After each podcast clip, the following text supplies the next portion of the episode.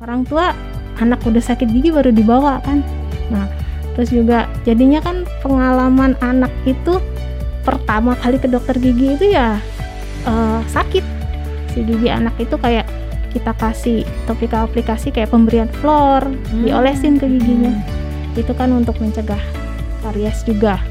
Uh, gigi terkikis pada anak itu biasanya ada kebiasaan jelek. Hmm. kebiasaan jeleknya itu kita bilang bruxism untuk usia ideal dok untuk anak-anak mulai datang ke dokter gigi itu biasanya orang tua mungkin bingung ya nah itu kapan tuh dok?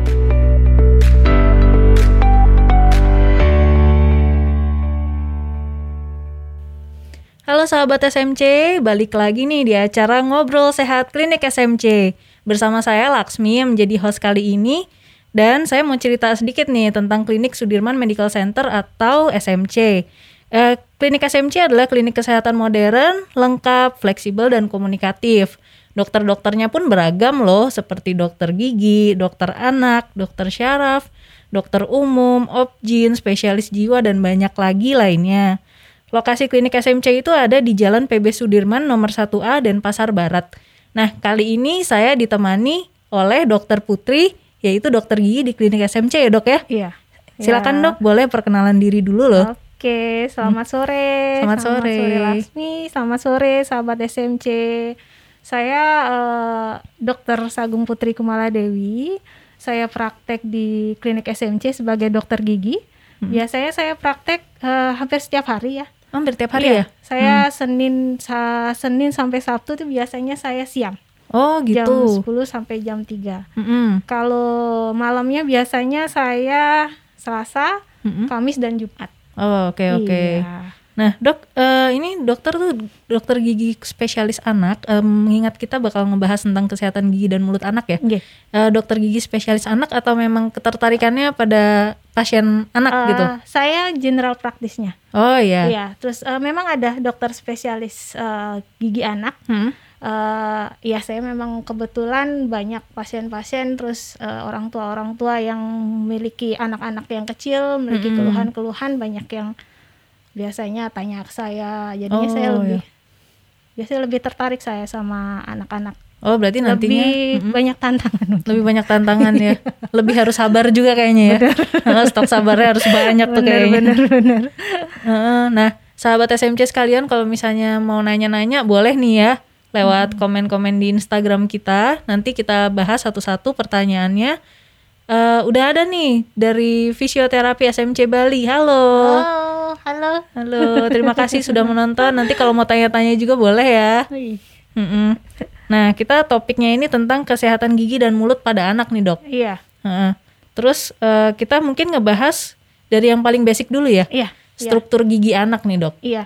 Hmm. Uh, iya, kenapa saya uh, lebih baik dari basic dulu? Karena hmm. banyak orang-orang juga kalau misalkan saya cerita, oh gigi anak tuh gini gini gini gini, hmm. mereka nggak ada bayangan. Hmm. Jadinya uh, untuk struktur gigi mm-hmm. anak uh, itu biasanya kita bilang gigi susunya. Oh iya. Terus uh, gigi gigi-gigi itu ada dua, gigi susu dan dewasa. Mm. Nah, biasanya gigi susu itu terdiri dari 20 buah. Oke. Okay. Ya, itu terdiri dari gigi seri, mm. itu 8 buah, 4 buah rahang atas dan 4 buah rahang bawah. Mm. Terus ada gigi taring. Gigi taring itu ada 4 dua rahang atas dan dua rahang bawah juga. Hmm. Terus untuk gigi geraham ada jumlahnya sekitar uh, dua delapan. Delapan ya? Iya, hmm. delapan. Jadi empat atas, empat bawah. Oh iya. Itu fungsinya juga beda-beda. Hmm. Gigi seri itu biasanya kita pakai untuk menggigit. Hmm. Kalau kita gigit apel, gigit ayam, itu biasanya kan kita gigi seri dari gigi depan. Iya. Yeah Terus kalau gigi taring itu biasanya fungsinya untuk mengoyak makanan. Hmm. Terus kalau gigi geraham untuk mengunyah dan menggiling makanan, hmm. menghaluskan makanan. Hmm. Itu biasanya. Hmm. Terus juga saya ingin memberitahu mengenai uh, anatomi juga. Ya, boleh, boleh. Anatomi gigi susu. Hmm. Itu berbeda sama gigi permanen. Hmm. Anatomi dasar deh dulu. Anatomi gigi itu biasanya uh, terdiri dari mahkota sama akar. Kalau mahkota itu bagian yang kita lihat dengan mata. Hmm. Kalau akar itu bagian yang tidak terlihat oleh mata. Hmm, di dalam gusi ya? Iya, masuk oh. ke dalam gusi yang tertanam di dalam gusi. Hmm. Terus juga uh, ada berapa bagian. Dianya kalau misalkan yang bagian terluar dari akar itu kita sebut biasanya sementum. Mm-mm. Nah, di dalam gigi itu ada berapa lapisan? Lapisan pertama yang warnanya putih Mm-mm. itu yang paling keras di antara lapisan yang lain itu adalah email kita sebut atau enamel. Hmm. Terus di lapisan keduanya di bawah enamel itu namanya dentin. Biasanya dia cenderung warnanya lebih kuning Oh, oke. dibandingkan enamel. Enamel dia lebih putih. Mm-mm. Di bawah dentin itu ada ruang pulpa. Mm-mm. Ruang pulpa itu dia terdiri dari pembuluh syaraf dan pembuluh darah. Mm-mm. Pembuluh darahnya itu dia untuk memberikan nutrisi, Mm-mm. sedangkan pembuluh syarafnya itu dia memberi sensor kehidupan pada si gigi. Hmm. Gitu biasanya. Hmm. Terus eh ada juga di gigi itu tertanam di dalam gusi, Ya. tanam di tulang itu ada tulang alveolar. Mm-mm. Itu diikat oleh namanya ligamen periodontal. Oh, oke. Ya, itu secara garis besarnya. Mm-mm. Heeh. Itu berarti kalau misalnya bolong itu dan kalau nyeri ya, itu berarti udah sampai ke pulpa ya? Atau- Biasanya ada tahapnya sih. Mm-mm. Kalau yang yang memang tidak terlalu tahan, biasanya tiba-tiba sakit itu ya sudah sampai ke ruang pulpa karena itu sudah sampai penyebarannya ke syaraf gigi. Oh iya iya. Karena kan di pulpa ada pembuluh Mm-mm. syarafnya. Iya, nggak kebayang itu gimana ngilunya. Bukan ngilu lagi, sakit Sakit ya. Udah bengkak mungkin ya. Bengkak nggak sih? Eh, bisa bisa jadi bengkak kalau sudah terjadi peradangan di bawah Oh, saluran akar itu. gitu. Iya. Oh iya, oke oke oke. Mhm. Terus kalau kayak gitu ditambelnya gimana tuh, Dok? Saya jadi nanya-nanya nih penasaran. Soalnya gigi saya kayak ada yang bolong nih. Kalau itu eh, penambalan gigi itu ada macam-macam. Mm. Kalau misalkan sudah sampai ke ruang pulpa itu biasanya kita harus rawat dulu saluran akarnya karena kan bakteri-bakteri udah sampai masuk ke dalam saluran Oh akar. iya ya, lebih ribet Itu ya berarti harus- ya. Iya lebih dan kunjungannya juga nggak bisa sekali dua kali Mm-mm. harus beberapa kali Mm-mm. gitu. Oke, kita kayaknya balik lagi nih ya ke kesehatan gigi mul- dan Iya. mulut anak ya. Iya. Heeh. Un- untuk usia ideal dok, untuk anak-anak mulai datang ke dokter gigi, itu biasanya orang tua mungkin bingung ya. Haha. Nah itu kapan tuh dok? Biasanya sejak gigi pertama tumbuh Mhm. itu anak-anak sudah bisa diajak ke dokter gigi. Mm-mm. Kunjungan ke dokter gigi itu biasanya pertama kali tumbuh gigi susu itu kan 6 sampai 7 bulan. Mm. Itu terus tapi biasanya kalau untuk eh, umur segitu lebih cenderung kita untuk melihat riwayat si anak Mm. Atau kondisi di Mm-mm. dalam mulutnya dan juga untuk mengedukasi si ibu, Mm-mm. ibu dan ayah orang tuanya Mm-mm. bagaimana sih cara menjaga dan memelihara kesehatan gigi dan mulut anak Mm-mm. gitu. Lebih lebih ke edukasi ke orang tua Oh gitu. ya kalau umur kecil. Nah berarti ini ya mulai dari gigi pertama yang keluar itu Iya. udah bisa ya? Iya, sudah Dokter bisa. gigi udah Sudah disarankan bisa. ya. Iya, Iya. Kalau Sedini misalnya mungkin pokoknya. Iya. Iya. benar-benar. Kalau misalnya bayi umur 6 sampai 7 bulan itu pernah nggak sih dok ada kasus bolong? Biasanya jarang sih. Jarang. Iya. Tapi ada berarti. Eh biasanya kalau memang seperti itu 6-7 bulan benar-benar yang dia soalnya kan ada juga faktor genetik ya Hmm. atau juga eh kelainan lain kalau sampai seperti itu tapi sebagian besar sih 6-7 bulan belum ada sih yang sampai hancur. Oh Iya. iya. Biasanya kalau udah beranjak dia udah makan macam-macam ya. Hmm, ya. Istilahnya juga udah bisa makan yang manis-manis kayak Hmm, gitu-gitu. iya. Udah Karena- mulai dah itu Mm-mm. biasanya. Karena musuh terbesar gigi adalah gula ya sepertinya. Iya. Benar ya itu iya, ya. Iya. Wah itu serem juga itu gula tuh. Padahal saya seneng banget gula. Dan itu katanya bikin gemuk juga ya dok ya. Iya. Hmm. Usia ideal. Nah pas udah ada gigi berarti udah bisa ya. Mhm. Ibunya yang diedukasi.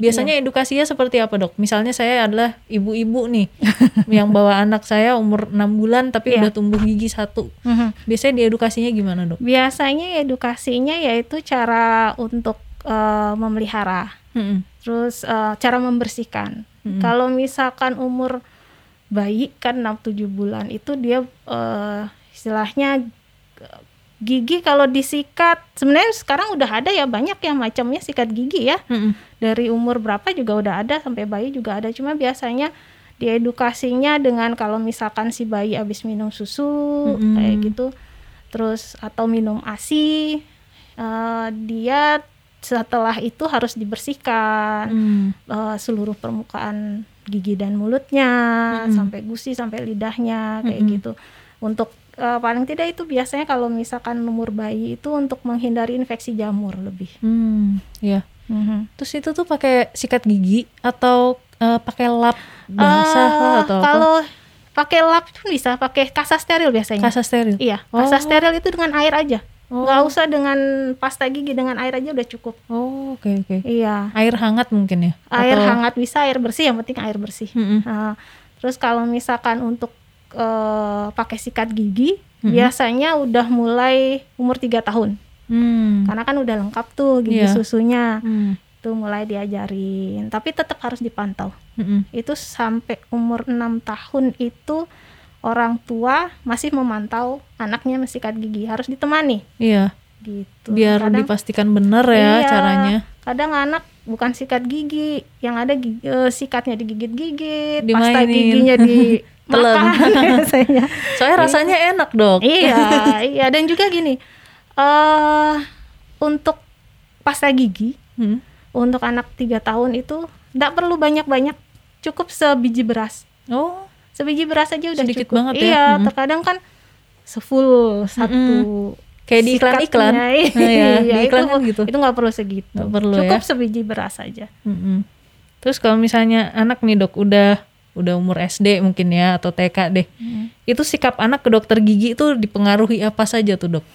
sikap anak itu ke dokter gigi pengaruhi pertama ya rasa takut yang pasti Takut ya? Iya, Mm. rasa takut, rasa cemas, terus juga pengalaman mungkin pengalaman rasa sakit sebelumnya gitu. Mm, Terus rasa trauma takut ya. iya. Mm. Rasa takut itu pun eh ada berapa macam dia ada dari eh, rasa takut yang subjektif. Mm. Rasa takut subjektif itu kayak dia itu nggak ngalamin sendiri. Jadi Oh. dengar cerita. Mm. Kadang kan anak-anak mungkin eh, cerita dari teman-temannya, terus dari ya mungkin dengar-dengar dari orang tua atau apa gitu. Itu Hmm. dari eh, cerita biasanya dianya. Hmm. Kalau tak rasa takut objektif itu itu yang dianya dari dialami sendiri. Mm. Makanya juga perlu eh, jangan terkadang kan orang Hmm. tua anak udah sakit gigi baru dibawa kan. Iya. Nah, terus juga jadinya kan pengalaman anak itu pertama kali ke dokter gigi itu ya eh, sakit. Sakit karena Ah, sakit. Mm. Kalau bisa ya jangan sakit dulu baru dibawa ke dokter gigi. Mm. Sebelumnya Iya. belum terjadi masalah sudah dibawa diajak kenalan lah dulu Mm-mm. sama kita. Biar Iya. terbiasa ya. Iya. Jadi asosiasinya dia tuh ke dokter gigi bukan karena sakit aja gitu. Iya, iya. Hmm, benar-benar. Terus juga dari orang tua juga eh, jangan hanya fokus ke anaknya. Mm. Jadi anak itu sebenarnya nyontoh orang tua. Mm-mm. Eh, kalau orang tuanya dia takut, Mm-mm. anaknya biasanya ikut takut. Ikut takut. Iya. Iya bener ya. Jadinya kasih contoh deh dulu ke anaknya. Mm. Bisa ketularan takutnya ya, nular. Iya, biasanya takut tuh. ngikut dia ngikut. Mm. Eh, terus kayak pengelolaan kunjungan ke dokter gigi untuk anak yang penakut dok. Nah. itu gimana tuh? Kalau biasanya untuk anak yang penakut itu Mhm. ada berapa kali? Bukan yang baru sekali datang itu dijamin anak udah nggak bakalan takut. Mm.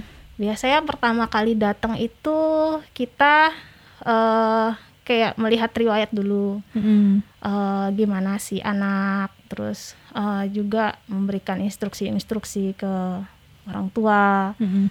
terus kunjungan berikutnya lagi kita ajarin biasanya cara sikat gigi yang benar Mm. kayak gimana sih sikat gigi yang benar gitu jadi belum belum yang tindakan langsung tindakan dokter Iya. gigi kayak gitu Mm-mm. enggak kita ajak ngomong lah dulu istilahnya biar si anak kenal dulu sama Kenal kita dulu. gitu Mm-mm. terbiasa sama dokter gigi Mm.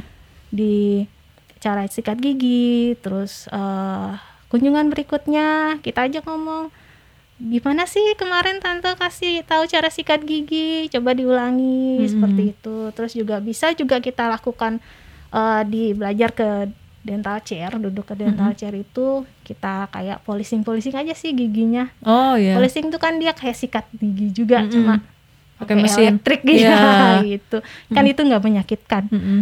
Nah, kunjungan berikutnya eh, baru kita mulai kayak ada eh, polishing sih lagi. Cuma tindakan-tindakan kayak pencegahan atau melindungi gigi Mm-mm. si gigi anak itu kayak kita kasih topikal aplikasi kayak pemberian flor, Hmm, diolesin ke giginya. mm-mm.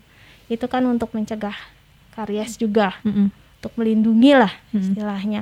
Terus juga ya tindakan-tindakan dokter gigi yang nggak menyakitkan lah Iya. awal-awalnya. Gitu Oke. aja. Kalau karies tadi itu apa tuh dok? Bolong atau Karies itu karang gigi, berlubang. Oh gigi berlubang. gigi karies tuh. berlubang ya, dia itu eh kelain eh, gigi berlubang pada jaringan keras Hmm. gigi Hmm. yang yang yang yang diakibatkan oleh aktivitas bakteri Hmm. gitu kalau Hmm. karies itu iya. Biasanya karena nggak sikat gigi ya. iya kebanyakan. biasanya banyak banyak ininya apa namanya Faktor penyebabnya. faktor penyebabnya karena nggak Oh. sikat gigi malas Hmm. sikat gigi dia terus juga karena suka makan man- minuman manis, Manis. kayak gitu Tapi sebenarnya makan minuman manis tuh nggak apa-apa asal langsung sikat gigi kali ya? Atau iya gimana? pokoknya setelah makan ya bukan berarti juga baru kita nggak kasih makan minuman manis ya Hmm. susah juga anak-anak zaman Mm-mm. sekarang ya Ya. yang penting anak-anak diajarin setelah makan itu asal jangan berlebihan pertama Hmm. terus juga habis itu sikat gigi Mm-mm. kalau nggak ajari kumur-kumur Hmm. kayak gitu Iya, iya, benar. iya Nah, saya penasaran nih dok nih. Kalau cara menyikat gigi yang benar tuh gimana? Terutama untuk anak-anak. ah sikat gigi sebenarnya bukan hanya untuk anak-anak Hmm. semua dewasa juga Sama ya caranya? sama, sama. Oh, hmm. terus eh, sikat gigi yang benar itu ya kita berawal dari misalkan gigi atas Mm-mm. pokoknya seluruh permukaan gigi Mm-mm. sampai lidah juga harus disikat Mm-mm. kalau dari atas biasanya dari gusi Mm-mm. ke gigi berarti gerakannya dari atas ke bawah Mm-mm. kalau dari bawah dari gusi itu gusinya di bawah dari bawah ke atas Hmm. begitupun di samping jadi seluruh permukaan di depan di samping sampai bagian oklusalnya daerah Hmm. gigitnya itu Mm-mm. itu juga harus disikat semuanya Mm. gitu. Terus eh, benar nggak sih arah nyikat itu harus dari eh, maksudnya apa ya? Atas bawah bukan geser kiri kanan. Eh, sebaiknya kita dari atas ke bawah Atas karena ke bawah. kalau dari kiri kalau biasanya kan gosoknya kiri kanan maju mundur maju mundur Iya, kayak iya. gitu kan Heeh. itu tuh bisa mengikis kalau lama kelamaan kalau tekniknya nggak benar Oh, apalagi kalau gitu. bulu sikatnya kasar ya Mm-mm. Aha. Jadi kalau pemilihan bulu bulu sikat juga harus diperhatikan oh juga ngaruh ya. Hmm, sama sikat juga sikat gigi itu jangan dipelihara lama-lama dalam Oh, artian gitu kalau ya. kalau udah mekar Heeh, langsung segera buang. ganti Hmm, ganti. Iya. Iya. ada kadang orang udah sampai mekar nggak jelas Iya, masih, Masih juga dipelihara. dipakai. benar benar benar. Iya. Berarti eh, paling bagus tuh eh, biasanya berapa bulan dok ganti sikat gigi? Ada nggak? Eh, biasanya sih sekitar 3 sampai 6 bulan ya. Hmm. Tapi kalau kalau misalkan eh udah terkadang ada eh, gigi yang memang nggak beraturan, lebih cepat dia rusak. Hmm. Kalau pokoknya udah mekar aja, udah ganti. Oh jadi bukan hitungan bulan tapi iya, iya. eh, kita lihat aja secara visual. Iya. Kalau udah mekar Iya. itu saatnya buang deh. Iya, dan juga penyimpanannya. Tempat Hmm. penyimpanannya jangan di lembab, daerah lembab. Kalau Oh, iya. lembab kan bakteri suka di sana. Mm-mm, benar benar benar. Gitu. Iya. Dok kayaknya kita bisa nih mulai baca-baca lagi. Eh, dari Grantina Nugraha, aduh maaf ya kalau salah saya nyebutnya, mata saya kayak minusnya nambah soalnya. Mohon izin bertanya dok, bagaimana cara menyikat lidah dok? Ah. Benar-benar. Menyikat lidah ya biasa aja dengan dengan dengan sikat eh, yang halus terutama, jangan Hmm. yang yang yang kasar. Karena kalau kasar takutnya melu- eh, melukai si lidah Melukai. itu ya. Mm. Jadi ya gerakan halus maju eh, dari belakang ke depan, Dari belakang ke dari depan ya? belakang ke depan gitu aja. Mm. Yang penting dibersihin. Oh saya juga penasaran dok, lidah kan suka agak putih ya warnanya. Itu sebenarnya kenapa sih dok? Itu biasanya kotor dia. Oh, Nah, terkadang kita habis makan, Hmm. apa sisa-sisa makanan, terus sisa-sisa air liur juga kan gitu. Hmm. Dan solusinya Lain itu juga ya? kalau misalkan Mm. orang sakit ya ada tipes, lidahnya putih juga sih. Hmm. Nah, iya itu. Gitu. Jadinya ya kalau kalau secara normalnya sih eh, kalau lidahnya putih itu kotor biasanya. Mm. Berarti Hmm. solusinya Ya, terkadang disikat orang itu males ya? loh nyik- nyikat lidah. Lupa biasanya dok. Eh, iya dan kadang nggak tahu ternyata oh lidah itu boleh perlu disikat ya dok ya Hmm, gitu. hmm, hmm. Kadang orang nggak tahu. Iya iya benar. Mhm. Nah, kalau misalnya eh, apa sih durasi ya? Mhm. Seberapa sering sebaiknya anak tuh pergi ke dokter gigi? Apakah sama kayak orang dewasa Mhm. yang katanya enam bulan sekali atau Mhm, setahun iya, sekali iya. ya? Hmm. Periodik kontrol periodik itu enam bulan sekali. Cuma sekarang tergantung resiko derajat resiko kerusakan gigi si anak ya. Hmm. Biasanya sih 3 sampai enam bulan. Oh, Mhm. 3 sampai 6 bulan justru ya yang disarankan ya. Iya. Mhm. Mm-mm. Ya minimal enam bulan lah ya. Minimal 6 Ah, bulan. Mm-mm, betul. gitu. Jadi kalau setahun kelamaan ya. Iya. Heeh. Eh, ya udah kelamaan. Iya, benar-benar. ya kalau giginya nggak masalah, kalau masalah kan Kalau masalah ya kasihan juga nanti Iya. lama-lama jadi sakit ya. Mhm. Hmm. Nah, mulai ada pertanyaan lagi. Sore dok, bagaimana cara mencegah kerapuhan pada gigi orang dewasa? Mencegah kerapuhan pada gigi orang dewasa. Hmm. Biasanya itu bermula dari ini ya gigi anak-anak ya. Oh, Terus juga oke. kerapuhan gigi itu kan sama dengan tulang. Hmm. Jadi eh, kalau misalkan memang anak-anak eh, dari awalnya giginya baik-baik aja tiba-tiba rapuh ya mungkin ada kelainan ke kerapuhan memang Hmm. eh, istilahnya kayak kalsium lah yang kayak gitu ka- kandungan kalsium. Cuma kalau kalau dia memang dari kecilnya sudah mengalami masalah biasanya cenderung gigi dewasanya juga gitu. Bermasalah ya. Berarti cara mencegahnya mungkin dengan Ya ra- rutin aja Kalsium. ke dokter gigi kali ya. Ada Sebelum kayak- terjadi kerapuhan. betul betul. Gitu. Ada asupan yang dari makanan yang bisa kita makan nggak untuk mencegah kerapuhan itu? Eh, biasanya susu ya sama dengan tulang susu, Susu pemberian ya. kalsium Hmm. kayak gitu. Terus katanya vitamin D, benar nggak sih dok? Ngaruh nggak sih? Vitamin D Yang itu eh, matahari, sinar matahari, eh, nggak ya? hmm, sih lebih lebih ke kalsium aja. Lebih ke kalsium ya. Aha. Mhm. Mhm. Oke, ada pertanyaan lagi di bawahnya istri Kusuma. Gigi anak banyak yang terkikis atasnya itu kenapa ya dok? Oh nanti saya mau nanya juga nih. Oh, berarti samaan berarti. Kompak Mm-mm. berarti ya. Iya, saya mau nanya juga nih. Tapi nggak apa-apa dijawab aja dok. Oh, gitu. gitu sekarang. Eh, gigi terkikis pada anak itu biasanya ada kebiasaan jelek. Mm-mm. Kebiasaan jeleknya itu kita bilang bruxism. Apa itu dok? Dia itu eh, kayak geret-geret tidak anak itu kebiasaan menggeret-geretin gigi. Hmm, Jadi di keretok-keretok iya gitu di ya. keretok-keretokin itu dia lama kelamaan terkikis. Hmm, oke. Iya, kebiasaan jelek itu kan ada macam-macam dia. Mm. Ada dianya bernafas dari mulut, ada biasaan menggigit Kuku. kuku, Oh. terus menghisap jempol, Oh. kayak gitu-gitu. Hmm. Juga menelan yang salah banyak-banyak. Itu juga menyebabkan masalah gigi. Saya penasaran juga tuh. Hmm. Meng- apa bernapas dari mulut tuh malah bisa bikin gigi rusak ya?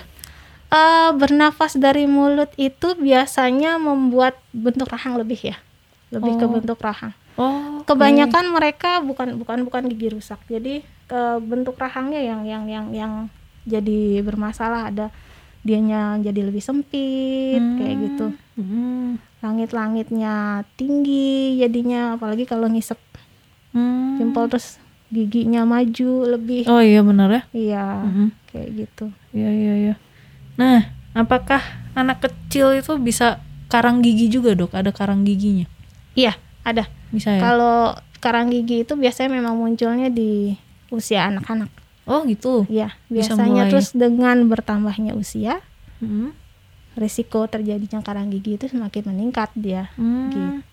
Penyebabnya itu biasanya apa dok? Karang gigi? Penyebabnya itu dari sisa-sisa makanan yang nempel Hmm. di, di di di gigi Hmm. dan itu tidak dibersihkan dengan baik. Oh. Iya, nggak oke. masuk-masuk dia ke sela-sela giginya. Mm-mm. Bukan karena air liur aja ya? Ya proses terjadinya karena sisa-sisa makanan Mm-mm. da- makanan itu terus jadinya reaksi dengan air liur, dianya mengeras jadinya. Mm. Ada nggak sih orang yang lebih eh, beresiko untuk membentuk karang gigi di giginya dibanding orang lain? Biasanya kalau itu eh, ke air liur, Mm-mm. kalau air liurnya lebih kental, Mm-mm. biasanya cenderung lebih cepat dia. Oh gitu. Iya.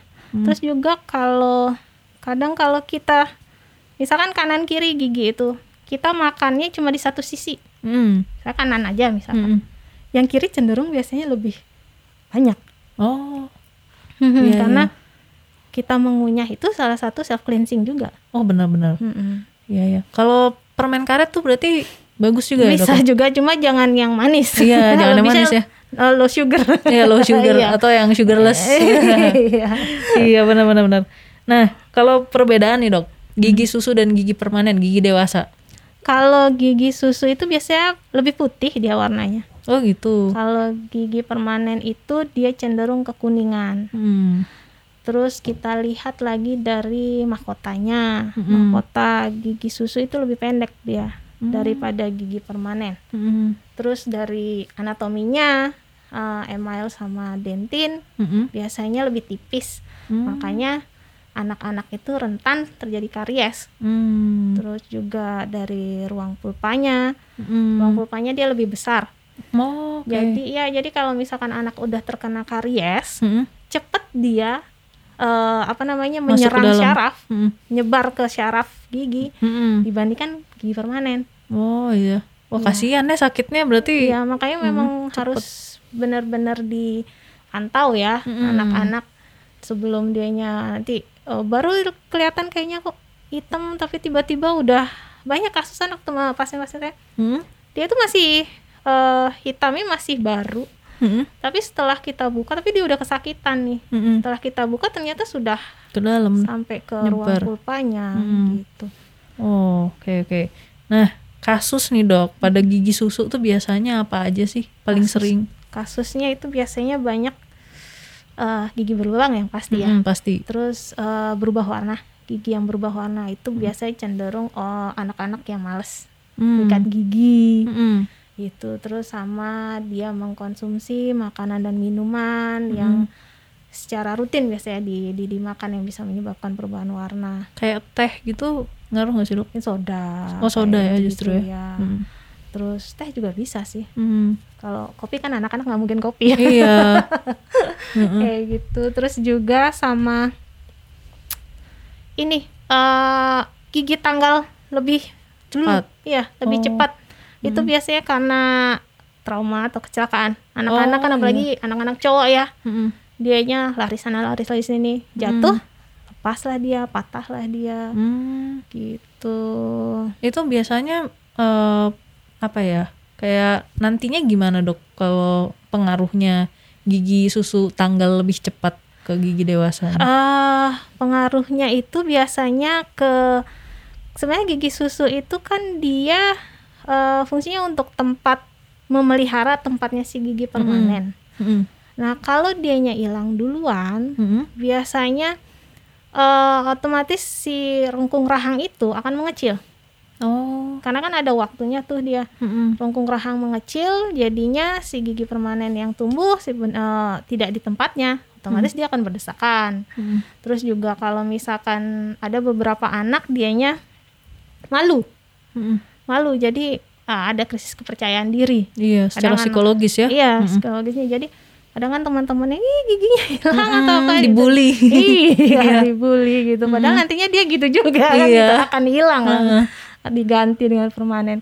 Cuma kalau yang dalam waktu lama yang tanggalnya belum waktunya kan lama dianya menunggu tumbuh si permanen ya Mm-mm. akan seperti itu jadinya. Oke.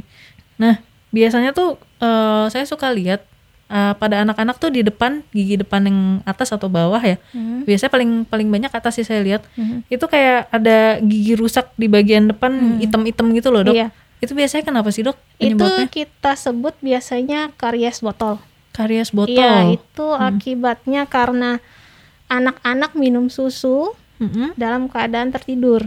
Sewaktu Oh. tidur dia. Mm. Jadi minum susu mau dia dipakai botol, mau dia minum ASI. Mm-mm. Kalau minum susu dalam sewaktu anak tidur itu Mm-mm. biasanya nyebabin giginya seperti itu apalagi kalau eh waktu bayi ya. Mm. Biasanya kan ibu-ibu malam anak-anak terbangun kan kayak gitu. eh bisa aja disiasati dengan kalau misalkan memang habis minum itu rajin dibersihin, Mm. harus terkadang ibu-ibu kan nggak nggak nggak nggak nggak dibersihin ya, nggak ngeh juga nggak mungkin ngeh ya Mm. dan nggak ngeh sih sebenarnya Mm. itu. Terus jadi dibersihin aja ya pakai lap Mm. lap kasa steril itu bersihin Iya. seluruh permukaan gigi kayak Oh. gitu. Emang benar-benar mesti disiplin ya kalau udah kayak gitu ya. Iya. Kalau iya. enggak ya Iya. bisa item-item Mm, gitu nah, ya. Iya, dan itu ciri khas karies botol itu rahang atas, Hmm? gigi depan rahang atasnya yang hilang. Oh. Rahang bawahnya enggak biasanya Enggak ya? kalau karies botol. Hmm. Tapi ada yang namanya rampan karies, itu semua gigi. Oh, seram sekali. Iya, itu semua gigi bisa terkena atas, bawah, belakang, itu bisa terkena gitu. Hmm. Itu sakit nggak sih, Dok? Itu sakit sih. Sakit ya? iya, nantinya sakit. Nantinya sakit. Iya. Saya juga ngelihatnya ngeri sih maksudnya kayak aduh itu kayaknya sakit banget gitu. Hitam kan soalnya. Iya, Nah, iya. Nah, cara merawat gigi susu pada anak. Mhm. Cara Selain merawatnya. uh-uh, selain sikat gigi misalnya. Eh, selain sikat gigi ya yang pasti kurangin makan minuman manis itu pasti. Iya. Terus eh, pasta giginya gunakan yang berfluoride. Berfluoride ya. Iya. Mm. Terus juga eh, rutin Mm. eh, ke dokter gigi. Mm. Itu paling enggak lah, paling enggak enam bulan sekali. Mm. Itu itu aja sih sebenarnya. Hmm, sebenarnya inti, simpel inti ya. dari ya inti dari perawatan kesehatan gigi mulut ya sikat gigi. Iya, Terus makanan manis. dihindari ya kalau Iya, bisa ya. Iya. Dikurangi. Dikurangi lah. Mm-mm. Terus sikat gigi yang benar itu sebenarnya sehari itu berapa kali sih? Ada maksimalnya nggak? Eh kalau maksimalnya nggak ada. Hmm. Jadi kalau sikat gigi itu minimal dua ha- dua kali sehari. Mm-mm. Sebenarnya sikat gigi itu setelah bangun tidur itu Hmm. menimbulkan rasa segar ya, Mm-mm. rasa segar di mulut. Terus Mm-mm. setelah makan, setelah makan. iya. Mm. Terus sama sebelum tidur Mm. itu kalau sikat gigi. itu. Mm-mm. Sebelum tidur karena kan kita beraktivitas seharian ya segala Enggak, macam. soalnya kalau sebelum tidur kita tuh kan tidur tuh lama. Oh iya kalau misalkan kita habis makan, Mm-mm. kita tidur, jadi eh, sisa makanan tuh lama nempel di dalam mulut. Mm-mm. otomatis eh, bakteri pun akan akan akan Merajalela akan- ya. Iya, akan menempel Mm. terus karena si bakteri menempel itu dia yang memproduksi asam. Nah, asamnya ini yang berbahaya Mm-mm. eh, untuk gigi kita. Dia yang melarutkan mineral-mineral nutrisi yang di dalam gigi eh, Iya. pada gigi itu Jadi yang makin tipis menyebabkan ya. iya menyebabkan jadinya gigi berlubang Mm-mm. gitu. Oh ada lagi nih pertanyaan dari Pu hmm, Puri FX Cleaning Bali. Pasta gigi untuk anak yang tanpa fluoride bisa ada fungsinya nggak dok biar nggak karies gigi? Eh, kalau bisa sih yang berfluoride ya. Fluoride yang itu yang fungsinya untuk melindungi gigi, Hmm. mencegah karies. Saya malah baru tahu ada pasta gigi yang tanpa fluoride. Ada ya dok ya? Ada aja sih. Oh ada aja ada ya. ya. Hmm. Biasanya kalau yang ada rasa-rasa kayak rasa pisang, rasa apel itu. Oh, itu kan cuma penambah rasa. Cuma itu penambah rasa untuk eh, menarik anak-anak. Mm-mm. Karena kalau anak-anak untuk eh, mau menyikat gigi itu kan perlu ketertarikan juga Mhm. kan. Selain dari kadang ada sikat giginya bentuknya Lucu-lucu. eh. kayak gitu. Nah, pasta giginya dibuat rasa. Kadang Mhm. ada yang suka rasa stroberi, rasa ini itu cuma penambah rasa. Oh, yang gitu. penting inti di dalamnya itu fluoride. fluoride-nya ya, Iya. justru ya. Iya. Mm-mm. Jadi jangan yang tanpa fluoride ya kalau Iya, bisa kalau sahabat yang SMC. berfluoride. Iya, yang paling bawah juga sama. Anaknya belum bisa kumur katanya. Eh, anak biasanya memang bisa kumur itu eh, setelah tiga tahun biasanya. Setelah tiga tahun. Iya. Jadi kalau sebelum itu Mhm. orang tua yang membantu membersihkan Hmm. gitu. Tuh atau kalau misalkan mau baru belajar belajar di kan kumur itu perlu perlu belajar juga kan. Iya. Pakai air mateng. Jadi Jangan kalau pakai iya kadang ditelan gitu. Ditelan, kalau ketelan Iya. aman gitu ya. Iya, makanya kadang pasien anak-anak udah di bawah tiga tahun yang belum bisa kumur ah, air mineral yang kemasan itu Hmm. yang buat dipakai biar dia telan soalnya. Iya. pasta giginya juga aman ya buat ditelan ya. Biasanya iya, Semuanya. memang dibuat seperti itu. Iya. Hmm, tapi kan dengan jumlah yang kecil, Mm-mm. makanya saya sarankan ya sebiji beras aja udah Iya. cukup, jangan terlalu banyak karena kelebihan fluoride itu juga nggak bagus kan gitu. Apa pun yang gitu. berlebih nggak bagus. Iya benar. Gitu. Tapi kalau misalnya efek eh, kelebihan fluoride itu apa dok ke gigi? Nah, kalau kelebihan fluoride itu dia eh terkadang dianya menyebabkan ke ini kali ya kerusakan juga di gigi. Oh malah Tapi dia rusak tidak ya?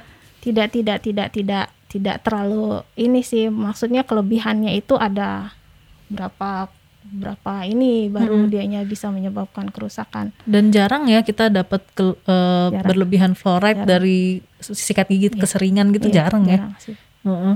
Terus Soalnya kalau sudah Hmm? pasta gigi juga sudah diperhitungkan kali pembuatannya Iya, dia ya. benar-benar. Mm, mm, mm. Jadi nggak masalah ya kalau kita sering-sering sikat gigi itu nggak Iya. usah takut sama kelebihan fluoride gitu ya. Iya. Batas usia masih dikatakan anak-anak itu umur berapa sih dok batasnya? Eh, anak-anak itu ada masa bayi itu dia kan 0 sampai 2 tahun. Hmm. Oh, itu Kalau- masih bayi ya hitungannya? ya? Iya, hitungannya bayi masih Oh. itu. Terus kalau misalkan kita ada masa prasekolah itu biasanya 6 sampai 12 tahun. Mm-mm. Eh, oh, maaf. Bahasa bayi itu 0 sampai 2 tahun. Maaf. 0 Hmm. sampai 2 tahun. Mm-mm. Terus masa prasekolah itu 2 tahun sampai 6 tahun. Mm-mm. Terus masa sekolah itu 6 sampai 12 tahun. Mm-mm. Eh, masa remaja itu 12 sampai 21 tahun. Oh, Tapi itu hmm. masa remaja itu dibagi juga. Ada masa Hmm. prepubertas, prepubertas itu 13 sampai 14 tahun. Mm, Pubertas itu 14 sampai 17 tahun. mm, Terus dibilang masa peralihan 17 tahun ke atas. Nah, itu Hmm. yang dibilang udah dewasa. Oh, Biasanya 17 ke atas kalau masih di bawah 17 itu masih anak-anak dibilang. oh, dibilangnya anak-anak ya? Ya, tapi kalau untuk gigi eh, anak-anak itu dia udah gigi susu itu kan eh, terakhir tanggal itu umur 12 tahun. Mm, Kalau udah di 13 tahun itu udah permanen udah gigi dewasa mm, mm. gitu. Berarti sebenarnya yang paling ditekankan itu sebelum 12 tahun ya Eh, iya, untuk perawatan yang untuk perawatan eh, yang kayak- mulut dan anak dah, Mm-mm. gigi mulut dan anak eh, pada anak. dan terutama peran besar orang tua di situ ya. Iya, Karena setelah 12 tahun mungkin udah bisa mandiri, iya. mengelola sendiri ke kesehatan gigi dan mulutnya. Iya, dia udah gitu. tahu malu. udah tahu malu bener. Iya. Iya iya. Eh, gigi susu itu biasanya mana duluan dok yang tanggal?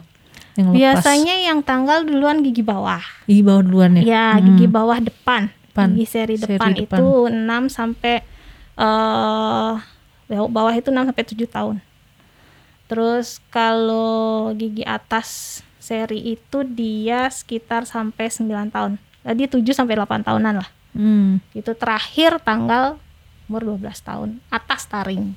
atas taring. Iya. Oh itu terakhir ya? Itu terakhir. Oh oke oke. Terakhir. Giliran tuh dari depan bawah dulu semuanya empat gigi tuh, terus depan atas empat gigi, Hmm. lari ke belakang diagramnya Hmm. gitu. Kirain tiap anak tuh beda-beda loh dok. Ternyata ada ada teorinya ya bener ya? Iya, Sama itu standarnya. Tapi kembali lagi tiap anak beda-beda. Oh emang benar ya beda-beda Iya, ya? beda-beda. Ada yang memang lima tahun udah tanggal. Oh gitu. Ada yang eh, enam tahun tujuh tahun itu gigi bawahnya tujuh tahun lah baru dia tanggal. Mm-mm. Jadinya tiap anak beda-beda. Mm-mm. Mm-mm. Tapi secara garis besar mungkin mirip-mirip seperti itu ya. iya, Iya, iya. Terus saya penasaran juga nih, kalau eh, geraham bungsu yang paling belakang Hmm. itu tuh bukan bukan di gigi susu ya, berarti masuknya itu gigi dewasa tapi tumbuh terakhir ya. Eh, enggak. Kalau gigi sebenarnya gigi permanen yang pertama tumbuh itu adalah gigi geraham Mm-mm. paling belakang. Terkadang anak ibu-ibu suka rancu. Itu masih gigi susu dibilang. Padahal itu gigi permanen. Oh gitu. Dia umur 6 tahun udah tumbuh. Hmm. Gitu. Gigi 6 tahun dia biasanya kalau gigi depan ini tanggal, Mm-mm. di belakang tuh biasanya ada yang nyebabin bengkak. Kadang kan anak panas itu eh, dikira loh ini padahal nggak ada gigi susunya kok dia bisa ini. Itu gigi permanennya itu. Oh gitu. Iya. Terus wajar nggak sih kalau misalnya eh, banyak teman-teman yang geraham bungsunya tuh baru tumbuh tuh umur 21 misalnya tuh. Oh, geraham bungsu maksudnya gigi paling belakang. Paling belakang. Oh iya, Hmm. iya itu memang 21 tahun biasanya. Oh, 17 gitu. sampai 21 tahun. Mm-mm. Itu memang standar tumbuhnya, tapi kalau misalkan dia tidak terhalang ya Hmm. tumbuhnya, terus benihnya juga tidak salah. Mm-mm. 17 21 udah tempatnya juga cukup. Udah tumbuh umur segitu. Tapi kalau misalkan tempatnya nggak cukup, dia bisa lebih dari 21 tahun baru dia tumbuh. Oh iya iya, saya kan ngalamin tuh. gitu. Terus jadinya dioperasi empat-empatnya karena eh, tumbuhnya tiduran. Iya. Wah, tuh nggak itu. enak banget. Iya. Makanya nggak nggak nggak nggak nggak kalau belakang itu biasanya tergantung dari si benihnya, apakah Hmm. dianya benihnya benar, Mm-mm. terus tempatnya cukup, Mm-mm. kayak gitu. Ya ya ya. Sekarang saya jadi ngerti. nah, eh, banyak kan anak-anak yang pakai behel ya buat ngerapihin giginya. Iya. Itu biasanya paling muda itu boleh pakai behel tuh kapan, Dok? Biasanya kalau udah permanen semua ya, Hmm. ya 13 tahun lah, Mm-mm. itu eh, baru-baru di, direncanakan biasanya pakai behel. Mm. Soalnya kalau masih gigi susu ya nggak nggak guna juga kali ya karena bakal Iya nanti terhalang si tumbuhnya si gigi permanen takutnya. oh malah gitu ya. Iya, Mm-mm. Terus bedanya jadi penasaran juga nih. Bedanya behel yang permanen sama lepasan itu yang suka dipakai anak-anak tuh apa, Dok? Kalau anak-anak biasanya cenderung yang lepasan. Mm-mm. Eh, bukan behel. Oh, bukan behel Bukan namanya. behel. Hmm. Kalau behel itu dia cenderung pakainya kalau udah eh, apa namanya umur 21 tahun Mm-mm.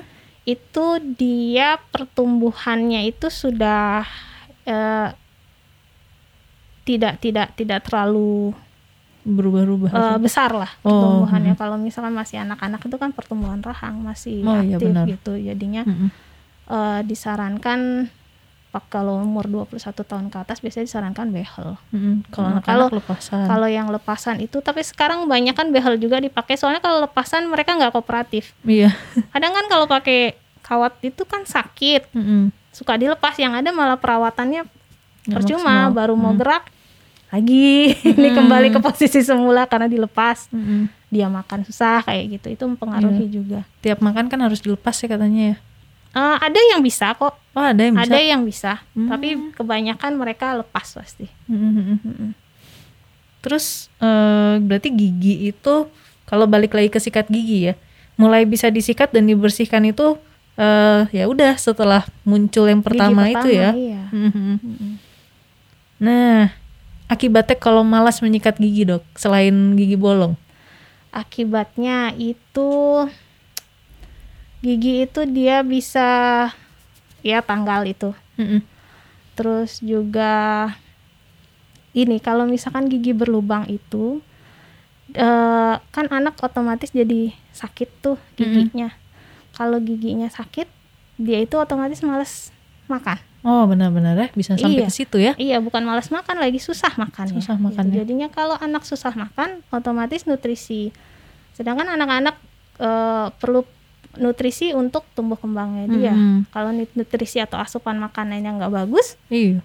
nutrisinya mereka juga jadi mereka malnutrisi gitu Mm-mm. terus juga kalau udah malnutrisi mempengaruhi daya tahan tubuhnya mereka Iya. Bisa ke situ ternyata ya. iya macam macam-macam. Panjang ternyata urusannya. iya iya.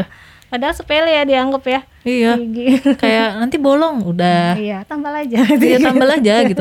Tapi ternyata enggak bisa Iya. sampai ke situ. Hmm. Terus mungkin bisa jadi krisis kepercayaan diri juga ya dok ya iya di anak-anak ya. iya iya Mhm. Karena anak-anak kan sebenarnya udah mulai ngerasain self image yang harus bagus Iya. antara teman-temannya ya nggak sih? Iya, tapi itu biasanya mungkin yang masa pubertas kali Masa ya. pubertas, iya. ha-ha, masa pubertas itu Hmm. yang seperti itu. Tapi kalau untuk anak-anak yang ini lebih ke krisis kepercayaan dirinya lebih karena diejek Iya. sama teman-temannya kayak gitu. Padahal teman-temannya kalau nggak ngejek sebenarnya dia cuek-cuek aja ya. Aja, iya. Terus juga sama ini. Kalau misalkan kita malas juga nyikat gigi, peradangan pada gusi juga itu karena karang gigi itu. Oh, Karang gigi iya. kan radang jadinya. Mm-mm, bener-bener. otomatis anak-anak pasti nggak nyaman kan Mm-mm, di, di di di dalam mulutnya itu. Mm-mm, Benar-benar benar. Tuh. Terus kalau gigi susu dok, Mm. itu lebih baik kalau misalnya dia udah goyang nih ya, Mhm. lebih baik dia tanggal dengan sendirinya Mhm. atau dibantu dicabutin sama dokter gigi. Tergantung sekarang. Hmm. Kalau misalkan eh benihnya memang memang di pada tempatnya, terus juga dia eh apa namanya tidak ha- tidak ada halangan untuk si gigi itu copot sendiri, nggak Mhm. apa-apa. Kadang kan dianya udah goyang goyang-goyang eh, apa namanya keras, Mm-mm. bisa copot sendiri dia nah yang yang perlu bantuan itu biasanya eh, gigi yang permanennya sudah tumbuh Mm-mm. terus tempatnya kurang Mm-mm. si gigi susunya juga masih di sana Mm. itu biasanya yang perlu dibantu Oh gitu. Iya, tapi anak eh, sekarang eh, karena mungkin pengetahuan orang juga ya Mm-mm. tentang kesehatan gigi dan mulut sudah banyak yang tahu, jadi dikit-dikit kalau gini pasti cabutnya ke dokter gigi. Oh kalau udah goyang biasanya langsung pada ke dokter gigi ya? Iya, kebanyakan sekarang seperti itu. Oh Iya. beda banget sama zaman zaman saya dulu. kita, zaman saya juga. Iya. ya udah tunggu aja copot sendiri, dimain-mainin pakai lidah. Bisa nggak sadar hilang. iya, iya benar. Atau enggak ada temen yang lagi makan tiba-tiba giginya hilang. Iya. Ketelen ternyata. Aduh beda Iya. banget emang Soalnya zaman kalau sekarang. kalau gigi susu itu sudah diresorpsi sama gigi permanen itu akarnya kan udah hilang. Oh iya benar ya? Jadi cuma tinggal mahkota aja kenapa dia bisa goyang Iya gitu. iya. Jadi sebenarnya sedikit aja sentuhan udah hilang. Benar-benar. Eh, nah, eh, waktunya nih udah mau habis juga nih dok. Mhm. Ada nggak kira-kira pesan-pesan terakhir untuk sahabat SMC sekalian yang kira-kira adalah orang tua yang eh, sedang apa ya mengasuh anaknya untuk sikat gigi Oh, dengan iya. baik dan benar gitu. Mhm. Eh, saya cuma memberi saran kepada orang tua kalau misalkan eh, biasakan atau eh, memberi apa membiasakan lah Hmm. anak-anak itu kunjungan ke dokter gigi sedini mungkin. Mm-mm.